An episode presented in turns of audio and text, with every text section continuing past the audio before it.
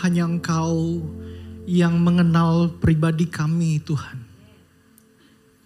Engkau tahu ketika kami masuk dalam ruangan ini ada masalah yang kami bawa. Engkau tahu, engkau mengenal masalah kami, kegusaran hati kami, kekesalan hati kami, kesedihan kami. Tapi engkau juga yang mengetahui sukacita yang kami miliki ketika kami datang ingin menyembah Tuhan. Engkau paling mengenal kami. Terima kasih Tuhan. Terima kasih. Pagi ini kami mau datang kepada Tuhan, mau meresponi kasih dan cinta Tuhan yang begitu dalam kepada kami dengan belajar mengenal Engkau dengan lebih dalam Mengenal apa yang kau kehendaki untuk kami kerjakan dalam kehidupan kami. Mengenal apa yang kau suka karena kehidupan kami sesungguhnya hanyalah untuk menyukakan engkau Tuhan. Memuliakan engkau Tuhan. Untuk itu pagi hari ini Tuhan diamkan semua suara. Tapi biarlah Tuhan engkau berbisik lembut di dalam hati kami. Biarkan kami sekali lagi dengarkan suaramu. Memberikan kami kasih dan anugerah sehingga kami keluar dari ruangan ini Tuhan. Kami dikuatkan. Kami dihibur. Kami berikan pengetahuan yang baru untuk kami hidupi. Terima kasih Tuhan. Kami bersyukur kepada Engkau. Biarlah nama Tuhan dimuliakan, ditinggikan. Demi Kristus Yesus Juru Selamat kami, kami berdoa kepadamu. Haleluya. Amin. Terima kasih untuk tim worship yang sudah memimpin kita dalam puji-pujian, penyembahan. Kita semua tentu diberkati oleh Tuhan pagi hari ini. Shalom Bapak Saudara. Apa kabar? Nah, luar biasa ya, sehat semua ya. Kita bersyukur sekali, uh, tentu pagi hari ini kita bisa beribadah bersama-sama dan secara khusus minggu ini uh, adalah satu sukacita besar buat saya dan keluarga ya. Sebab hari Sabtu yang lalu uh, saudara kami baru dikaruniai seorang uh, putri yang kedua ya.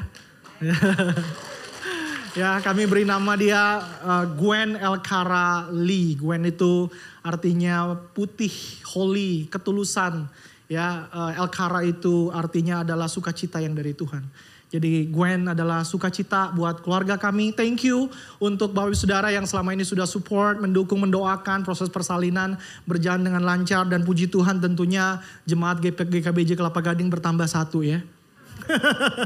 Pertumbuhan gereja alamiah. Nah pagi hari ini kita akan sama-sama merenungkan uh, satu tema yaitu iman dan pendengaran Bapak Ibu ya iman dan pendengaran. Kita akan membaca bagian firman Tuhannya dari Roma 10 ayat 16 sampai 21. Saya tidak tampilkan di layar, saya akan bacakan buat Bapak Saudara. Saudara bisa mengikutinya dengan membuka di Alkitab atau di HP Bapak Saudara. Saya akan membacakan Roma 10 ayat 16 sampai 21. Oke, okay? demikian firman Tuhan. Tetapi tidak semua orang telah menerima kabar baik itu.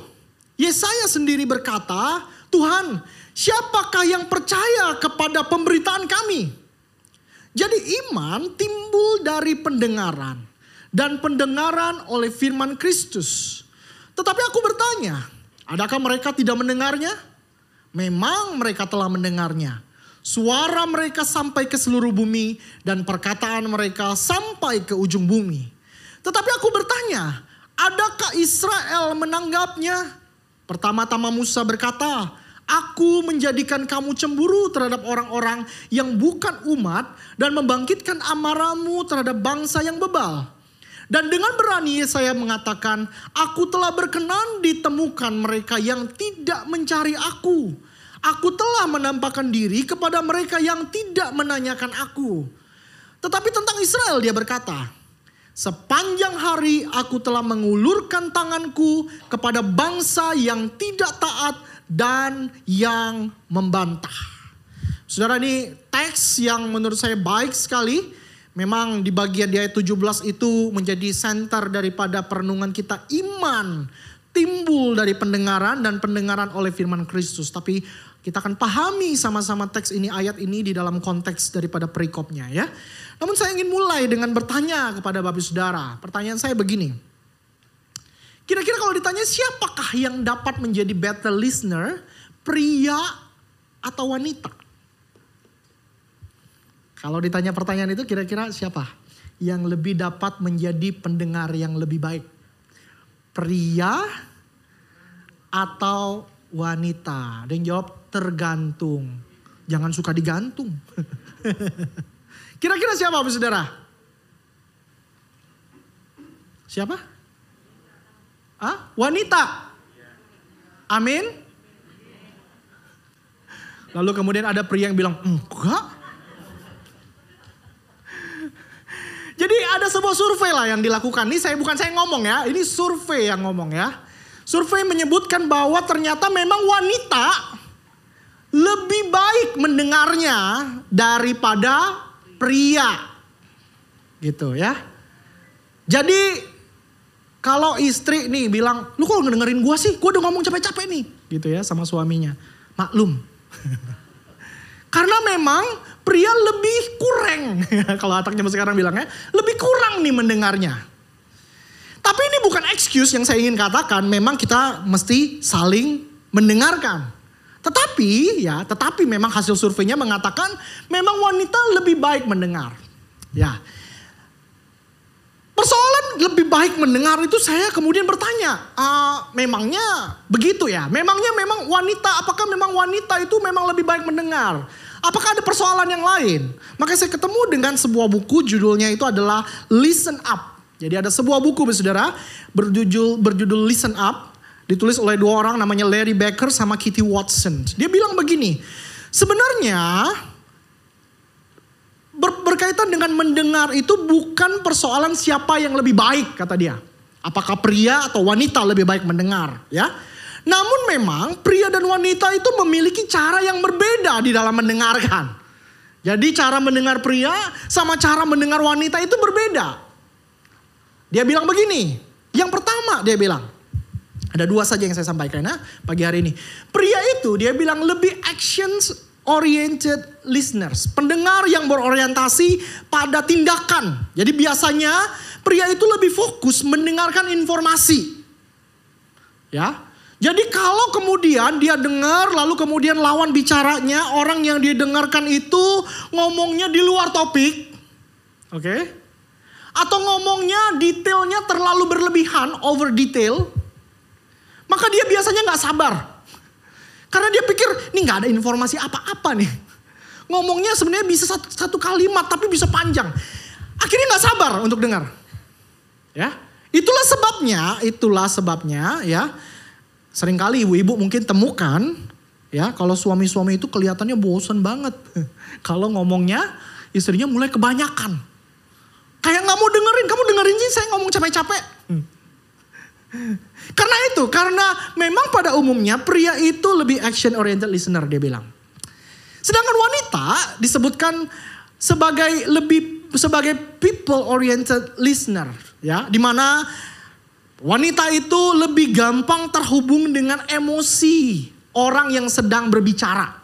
Jadi dia tidak cuma hanya menyangkap apa yang dikatakan tapi emosi. Makanya wanita itu lebih berempati dengan dengan lawan bicara. Ya, biasanya wanita lebih memperhatikan nada. Ya, nada bicara. Lalu kemudian lebih peduli ya dengan terjadinya pembicaraan daripada daripada sekedar informasi yang dibahas. Jadi kadang kalau wanita berbicara menurut buku ini sebenarnya bukan persoalan dia mau menyampaikan sesuatu, bukan. Tapi pengen ngomong aja. Baginya kehadiran dan pembicaraan itu lebih penting daripada isi pembicaraan. Ya. Jadi Bapak Ibu kalau kemudian istri kita kemudian pengen, bapak-bapak kan uh, istri kita ngomong terus gitu ya. Kadang kita bilang lu kok gak capek ya ngomong terus. Sebenarnya bukan karena persoalan dia pengen ngomong. Tapi pengen berdua. Cie. ya. Pengen berbicara, pengen spend time bareng. Jadi kehadiran dan pembicaraan itu menjadi sesuatu yang lebih penting gitu. Nah lebih lanjut kemudian si uh, Kathy Watson sama Larry Baker ini bilang begini. Pria dan wanita itu biasanya berbeda di dalam memberikan respon terhadap percakapan, ya. Dia dia katakan begini, kalau pria itu lebih uh, bersifat namanya silent listeners. Jadi kalau dia dengerin orang lagi mendengarkan, dia akan diem aja dengerin. Dengerin aja. Ya. Dengerin aja, diem. Sampai-sampai kadang istrinya kemudian udah ngomong panjang, diem doang. Lu dengerin gak sih gue ngomong? ya kan? Pikirnya gak dengerin, padahal memang tipenya pria itu menurut buku ini adalah lebih kepada silent listener, lebih dengerin aja. Kalau dia akan nyela atau bertanya itu karena ada sesuatu yang dia pengen clarify. Berbeda dengan wanita, wanita disebutkan sebagai yang namanya small acknowledging reward, remarks ya. Jadi dia ini uh, wanita itu biasanya uh, memberikan respon dengan pernyataan pengakuan kecil. Jadi kalau kita lagi ngomong wanita itu kan respon ini, ya, oh, Oh gitu. Hmm gitu ya. Jadi ada respon kecil, pengakuan kecil. Karena wanita ingin menunjukkan bahwa gue dengerin lu. Ya. Gue pengen dengerin lu. Makanya memberikan pengakuan-pengakuan kecil seperti tadi iya, oh ya, bener ya, oke okay, gitu ya. Sehingga kadang uh, wanita waktu berbicara dengan pria, pria cuma dengerin doang, Wanita mulai curiga, kok lu diem aja gitu ya? Dengerin gak sih? Kok gak ada pengakuan kecilnya? Jadi biasanya kita di dalam komunikasi kita pengen menyamakan. Antara cara berkomunikasi, cara mendengarkan, lawan bicara kita dengan diri kita. Padahal gak bisa. Karena menurut penelitian ini menunjukkan bahwa memang ada bedanya. Jadi cara kita mendengarkan, cara pria mendengarkan, cara wanita mendengarkan itu beda gitu ya. Itu beda. Nah poin yang saya ingin sampaikan kepada Bapak Saudara pagi hari ini adalah begini. Terlepas dari berbagai perbedaan-perbedaan yang dengan tentang cara mendengarkan antara kita dengan pasangan, perbedaan cara mendengarkan antara kita dengan orang lain, ya. Yang saya mau sampaikan adalah bahwa aktivitas mendengarkan itu sendiri adalah sesuatu yang sangat penting dalam relasi dan kehidupan. Betul? Bahwa aktivitas mendengarkan itu adalah sesuatu yang sangat penting dalam relasi kehidupan. Karena tanpa kita mendengarkan, kita tidak mungkin dapat memahami satu dengan yang lain. Ya. Tanpa mendengarkan tidak mungkin kita dapat memahami satu dengan yang lain. Bahkan tanpa mendengarkan mustahil cinta kasih di dalam relasi kita dengan orang di sekitar kita itu dapat bertumbuh. Nggak mungkin. Kalau kita nggak belajar untuk mendengarkan maka mustahil cinta kasih itu akan bertumbuh. Maka pertanyaan begini. Bagaimana caranya untuk saya tidak dapat lagi mencintai suami dan istri saya? Gampang tidak usah dengerin dia. Pasti cintamu akan redup. Pasti. Ya. Dan sebaliknya, kalau kita tanya, bagaimana caranya supaya saya dapat mencintai istri, suami saya, anggota keluarga saya, anak saya, orang tua saya dengan lebih lagi? Jawabannya juga sama. Dengerin dengan sungguh-sungguh. Dengarkan dia dengan baik-baik. Karena dari mendengarlah kemudian cinta kasih itu dapat bertumbuh. Perbanyak mendengarkan, mendengarkan dengan sabar dan dengan sungguh-sungguh. Itulah sebabnya kenapa kemudian di dalam Roma tadi dijelaskan begini Bapak Ibu Saudara. Ya, dijelaskan bahwa percaya kita ya kepada iman timbul dari pendengaran dan pendengaran akan firman Kristus. Dan kalau saya mau sederhanakan, kita nggak usah pikir panjang-panjangnya, kita mau gamblang aja. Kalau kita bilang iman itu sama dengan percaya, maka saya bisa katakan begini berarti Bapak Ibu Saudara ya. Percaya kepada kita itu timbul dari pendengaran kita akan firman Kristus. Betul? Kita bisa percaya kalau kita dengar firman. Oke? Okay? Dan kalau saya parafrase kalimat itu, saya bisa katakan begini. Cinta kita kepada Kristus muncul dari pendengaran kita akan firman. Dan cinta kita akan semakin bertambah jika kita terus-menerus mendengarkan firman dalam kehidupan kita. Sebaliknya bagaimana caranya supaya saya nggak percaya dan mencintai Yesus lagi? Gampang. Stop dengerin firman. Pasti cintamu pudar. Pasti cintamu pudar. Ya. Maka inilah yang kemudian Paulus ingin sampaikan kepada kita bahwa untuk iman kita bertumbuh, untuk cinta kita bertumbuh kepada Tuhan, kita mesti paksa diri kita untuk dengar firman. Nggak bisa enggak. Nggak bisa. Iman timbul dari pendengaran. Itulah sebabnya ada sebuah perkataan yang sering dikatakan begini. Saudara setuju nggak ini? Jika iblis tidak dapat menjatuhkan kita ke dalam dosa, maka dia akan membuat kita sibuk. Betul nggak? Karena waktu kita sibuk, kita nggak punya waktu lagi untuk dengerin. Kita nggak punya waktu untuk dengerin firman. Kita nggak punya waktu untuk untuk berdoa lagi. Kita nggak punya waktu untuk datang ke gereja dengarkan khotbah. Nggak punya waktu. Jika iblis nggak bisa jatuhkan kita dalam dosa, maka dia buat kita super sibuk. Sehingga kita nggak punya waktu untuk mendengarkan. Mendengarkan Tuhan, mendengarkan istri kita, mendengarkan suami kita, mendengarkan anak kita, mendengarkan orang tua kita. Alhasil, yang iblis renggut dari hidup kita adalah hal yang paling utama. Apa itu? Cinta kita terhadap orang yang kita sayangi. Cinta kita kepada Tuhan, kepada anggota keluarga kita. Maka saya ingin katakan kalimat begini, saudara. Sibuk bukanlah tanda orang sukses. Oke? Okay? Sibuk bukanlah tanda bahwa hidupmu produktif, bukan. Sibuk adalah awal dari hilangnya cinta di dalam hidup kita. Tapi saudara bisa nggak setuju nih sama statement saya. Tapi coba buktiin. Sibuk aja. Gak usah dengerin orang-orang yang kamu kasih. Gak usah dengerin Tuhan.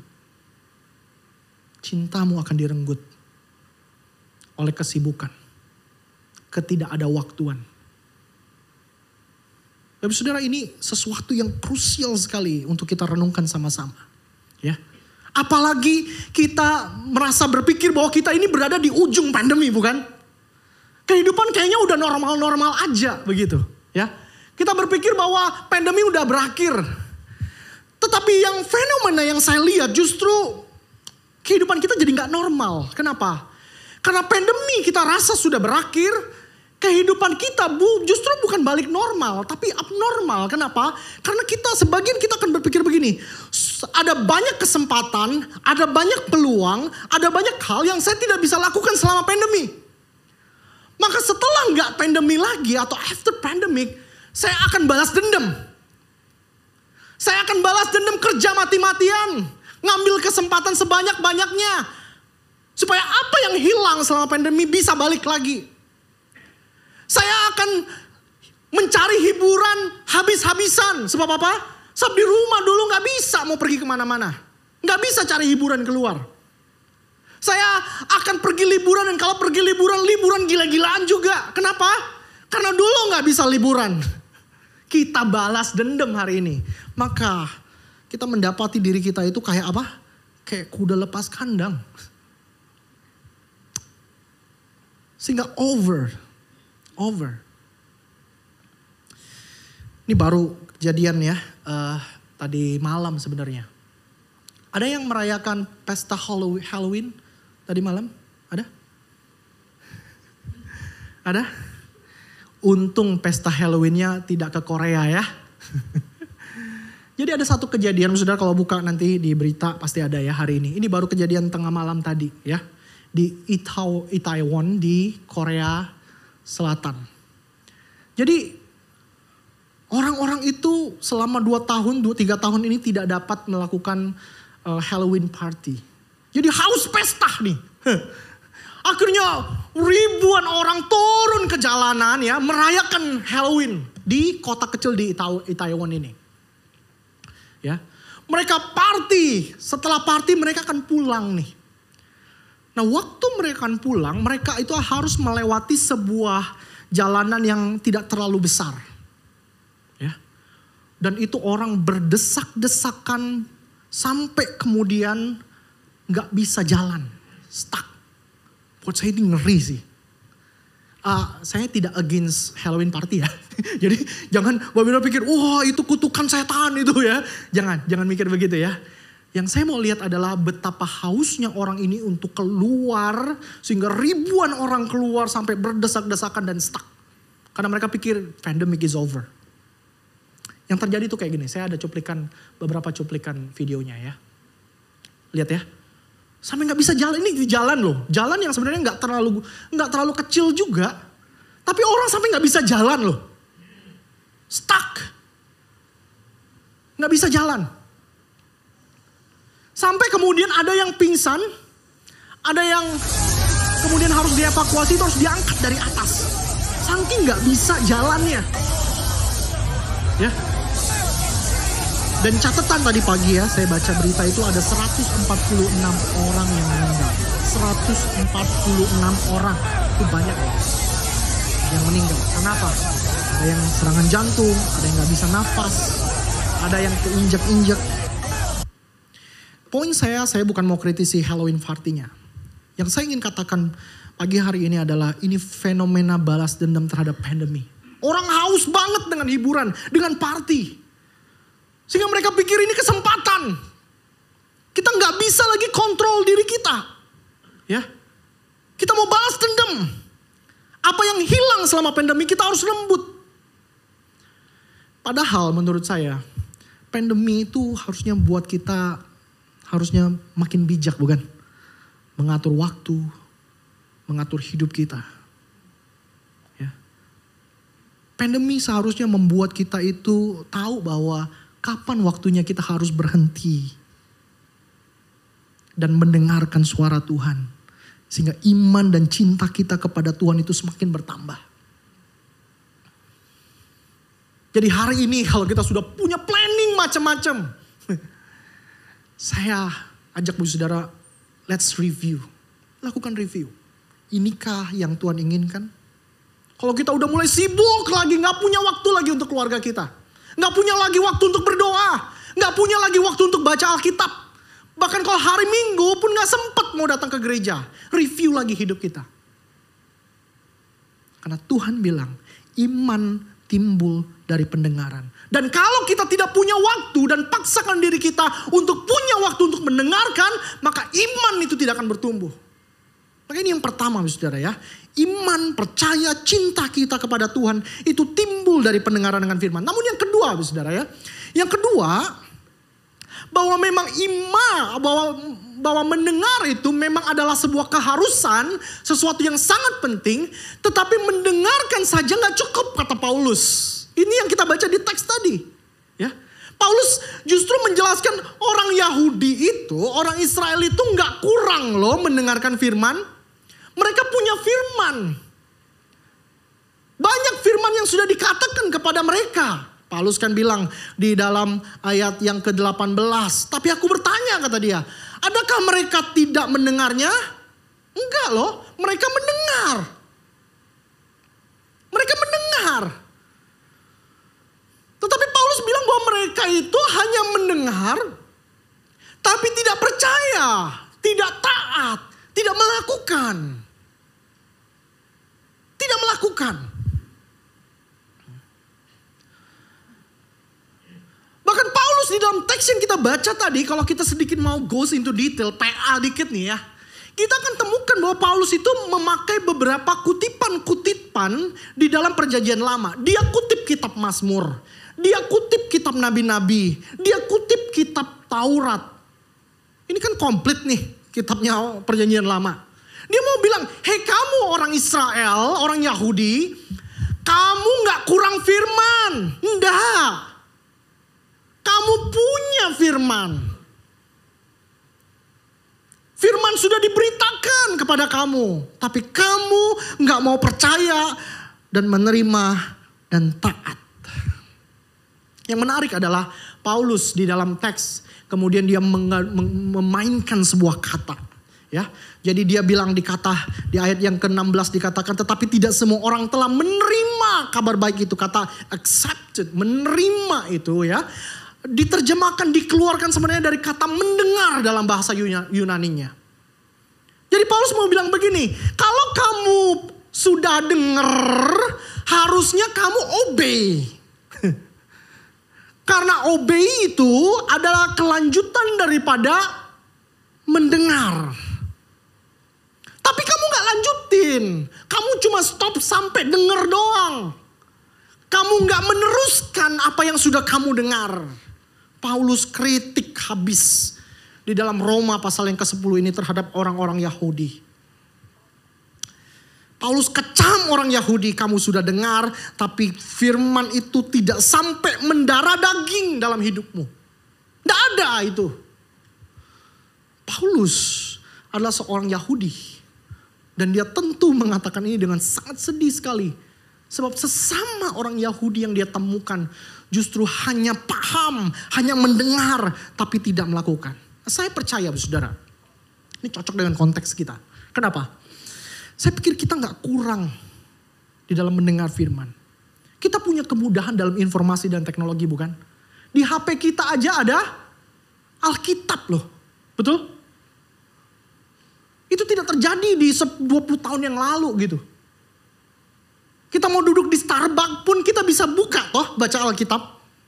Akan terlihat aneh di zaman dulu kita duduk di Starbucks bawa Alkitab yang gede begitu. Nanti orang sangka ke pendeta gitu. ya. Tapi kita bisa pun bisa buka Alkitab di HP kita. Kurang apa lagi? Setiap pagi kalau kita buka WhatsApp kita mungkin ada yang mengirimkan artikel rohani, betul? Kita bisa baca dan kita bisa renungkan. Mau kurang apa lagi kalau kita mau belajar lebih banyak, kita tinggal buka YouTube. Tinggal kita tinggal ketik apa yang kita mau pelajari ada di sana. Kita tidak kekurangan firman, tapi pertanyaan saya untuk kita semua hari ini adalah apakah firman yang kita dengar mendarah daging? Kita terima dan kita lakukan. Atau kita hanya jadi orang yang cukup puas mendengarkan firman, yang cuman hanya waktu dengar firman kita ganggu-ganggu kepala kita. Lalu kemudian waktu kita dengar khotbah, kita dengar, lihat quotes yang bagus, kita foto dan posting di sosial media kita. Itu bukan yang Tuhan mau, karena yang Tuhan mau adalah firman itu mendarah daging. Nah saya ada membaca satu review saudara ya di satu artikel di Harvard Business Review. Dia mencatat begini. Dia berbicara tentang yang namanya istilah active listening mendengarkan secara aktif. Lalu si penulis ini berkata begini, kalau kita mau belajar jadi orang yang mendengarkan secara aktif, harus ada tiga aspek. Yang pertama, nggak cukup cuma kognitif, tahu doang. Oke? Okay? Karena yang kedua kita juga harus waktu kita dengar sesuatu itu harus sampai kepada aspek emosi, rasa. Lalu kemudian yang ketiga adalah itu kemudian terwujud di dalam laku, behavior, perbuatan kita. Ya. Jadi nggak cuman kita sadar, tahu, kemudian merasa, tapi juga lakukan. Nah biasanya, biasanya kita nih ya, yang suka apalagi yang suka belajar ya, berhenti di mana? Di aspek yang mana, Saudara? Di aspek yang mana? Kognitif, betul? Kita cuma berhenti di aspek itu. Atau yang lebih baik mungkin sampai aspek yang kedua emosi. Sentuh kita nangis, tapi keluar kita nggak lakukan. Seorang yang mau mendengarkan, seorang pendengar firman yang baik. Adalah seorang pendengar yang gak cuma tahu. Tapi juga merasakan firman dalam hati, dalam emosi, dalam dalam hatinya tapi juga seorang yang mau melakukan, mewujudkan itu di dalam personality, dalam kehidupan. Jadi mendengarkan secara aktif tidak hanya mendengar Bapak Saudara. Nah hari ini coba kita review hidupan kita. Kita lihat lagi, kita evaluasi. Ketika kita mendengarkan firman, apakah kita cuma dengar secara kognitif aja? Atau kita coba belajar untuk meresapi Saya suka satu istilah ketika kita baca firman ada istilah namanya kontemplasi. Pernah dengar kata itu? Kontemplasi. Itu dalam bahasa Latinnya, itu artinya itu seperti seorang anjing yang ketemu uh, tulang. Tahu?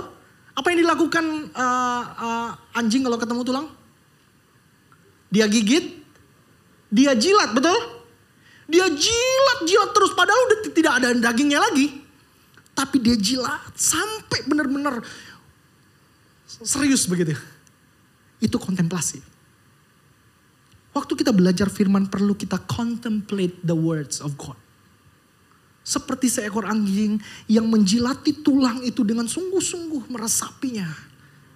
Sampai ke dalam aspek emosi kita dan laku kita. Saya tahu ini nggak mudah, saudara. Tapi ini yang Tuhan katakan kepada kita pagi hari ini. Ada seorang Bible scholar namanya James Edwards. Dia bilang begini kalimat ini. The gospel is not a philosophy or an idea. The gospel is always and everywhere incarnational. It is God's words communicate through persons where the gospel is not personal, is not the gospel. Jadi dia bilang, Injil itu bukan filosofi. Ngapain kita datang ke gereja cuma sekedar, oh tahu. Sedang belajar filsafat Bapak Saudara, enggak. Kita sedang belajar untuk hidup Injil dia bilang bukan ide, bukan. Injil itu harusnya sifatnya inkarnasional ya. Inkarnasional, inkarne. In di dalam karne itu daging, masuk ke dalam daging, mendarah daging. Jadi apa yang kita terima setiap hari minggu, apa yang kita baca setiap pagi, itu harusnya inkarne masuk ke dalam daging, mendarah daging dalam kehidupan kita dan akhirnya terwujud dalam personality kita. Jadi kalau saya seorang pengkhotbah, saya cuma mengatakan Injil, tapi tidak Injil itu tidak menjadi personal dalam kehidupan saya, itu omong kosong. Jangan dengarkan saya. Gospel, James 2 bilang, where the gospel is not personal, it is not gospel. Kalau kita dengarkan firman dan firman itu tidak meresap di dalam personality kita. It's not gospel. It's not gospel. Kita hanya menjadikan firman itu kayak filsafat saja. Maka pagi hari ini saya ingin ngajak Bapak Saudara untuk saya yakin firman yang seperti ini Bapak Saudara sudah sering dengar bukan? Amin. Tapi mari coba kita berhenti dan berpikir sejenak. Tuhan saya mau dengarkan kau dengan sungguh-sungguh. Dan meresapi firman dan membuat firman itu menjadi personality yang hidup dalam kehidupan saya. Yesus yang berinkarnasi masuk ke dalam daging. Menginginkan firmannya juga mendarah daging di dalam kehidupan kita.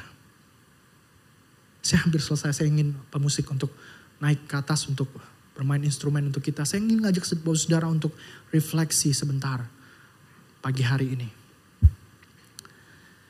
Mari kita sama-sama tundukkan kepala kita.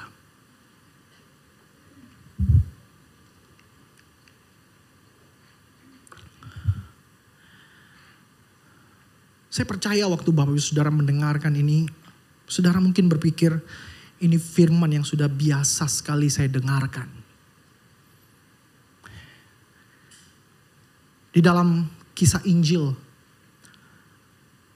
ada seorang murid Tuhan yang seolah memposisikan dirinya sebagai seorang pendengar yang baik. Yesus berbicara tentang bahwa dia harus mati disalibkan. Lalu murid ini, Petrus, menyeret Yesus ke samping dan bilang, jangan sampai itu terjadi. Petrus nggak mendengar dengan baik apa yang Yesus sungguh-sungguh katakan. Yesus bilang, lihatlah iblis sedang menggocoh engkau. Yesus katakan kau akan menyangkal aku tiga kali. Buah dari tidak mendengar dengan sungguh-sungguh adalah penyangkalan. Petrus menyangkal Yesus. Petrus menangisi dirinya. Bukan hanya persoalan dia tidak menyangkal, tapi karena dia tidak mendengarkan Yesus dengan baik. Saya mau kita memposisikan hidup kita dalam story ini. Mungkin kita lah Petrus itu. Yang gak denger dengan baik. Yang cuma dengar sepintas berlagak sok ngerti. Dan Yesus bilang, kau akan sangkal aku. Dan kita buat banyak penyangkalan dalam hidup kita terhadap Yesus. Tapi apakah Yesus buang Petrus? Tidak. Yesus datang menghampiri Petrus secara pribadi. Menyatakan bahwa dia tetap mengasihi, mencintai, dan mau pakai Petrus. Pagi hari ini, mungkin dari antara kita berkata, akulah orangnya yang berlagak sok denger, sok ngerti, tapi nggak berbuat. Aku orangnya Tuhan. Tuhan punya anugerah buat kita pagi hari ini.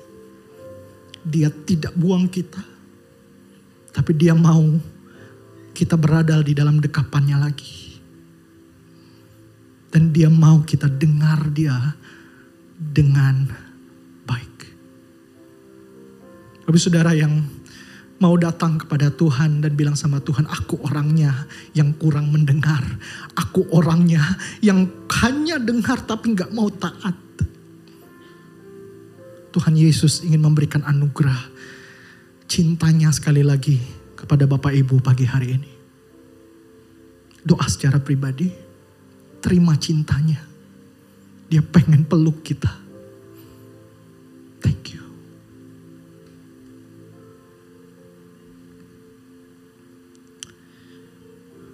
Tuhan, hidup kami terbuka. Firman yang sudah sering kami dengar ini diperdengarkan sekali lagi kepada kami bagi hari ini. Dan betapa kami menemukan diri kami rapuh, rentan. Kamilah orang-orang yang sering kali berlagak tahu Tuhan. Tapi nggak berbuat apa-apa. Kami orang yang seolah-olah berpikir sudah dengar dengan baik. Tapi ternyata kami nggak mengerjakan itu dalam hidupan kami. Kami mau datang sujud di kaki Tuhan sekali lagi. Dan kami mohon ampun. Terima kasih untuk pengampunan yang Tuhan berikan. Terima kasih kalau Tuhan gak buang kami. Kalau cintamu selalu ada dan cukup buat kami. Terima kasih Tuhan. Pagi hari ini Tuhan, waktu kami keluar, kami nggak mau jadi orang yang sama. Kami nggak mau jadi seorang suami yang nggak peduli dengan apa yang dikatakan oleh istri kami. Kami nggak mau jadi seorang istri yang cuma egois, mau didengarkan tapi tidak mau mendengarkan. Kami mau Tuhan belajar untuk dengar lebih baik, dengar lebih baik kepada Tuhan, dengar lebih baik kepada orang-orang yang kami kasihi. Kami tahu it's not easy task for me, for us. Tapi kami percaya Tuhan akan tolong kami. Terima kasih untuk anugerahmu pagi hari ini. Sekali lagi muliakan engkau di dalam kehidupan kami Tuhan. Di dalam nama Kristus, Juru Selamat kami yang hidup. Kami berdoa bersyukur. Amin.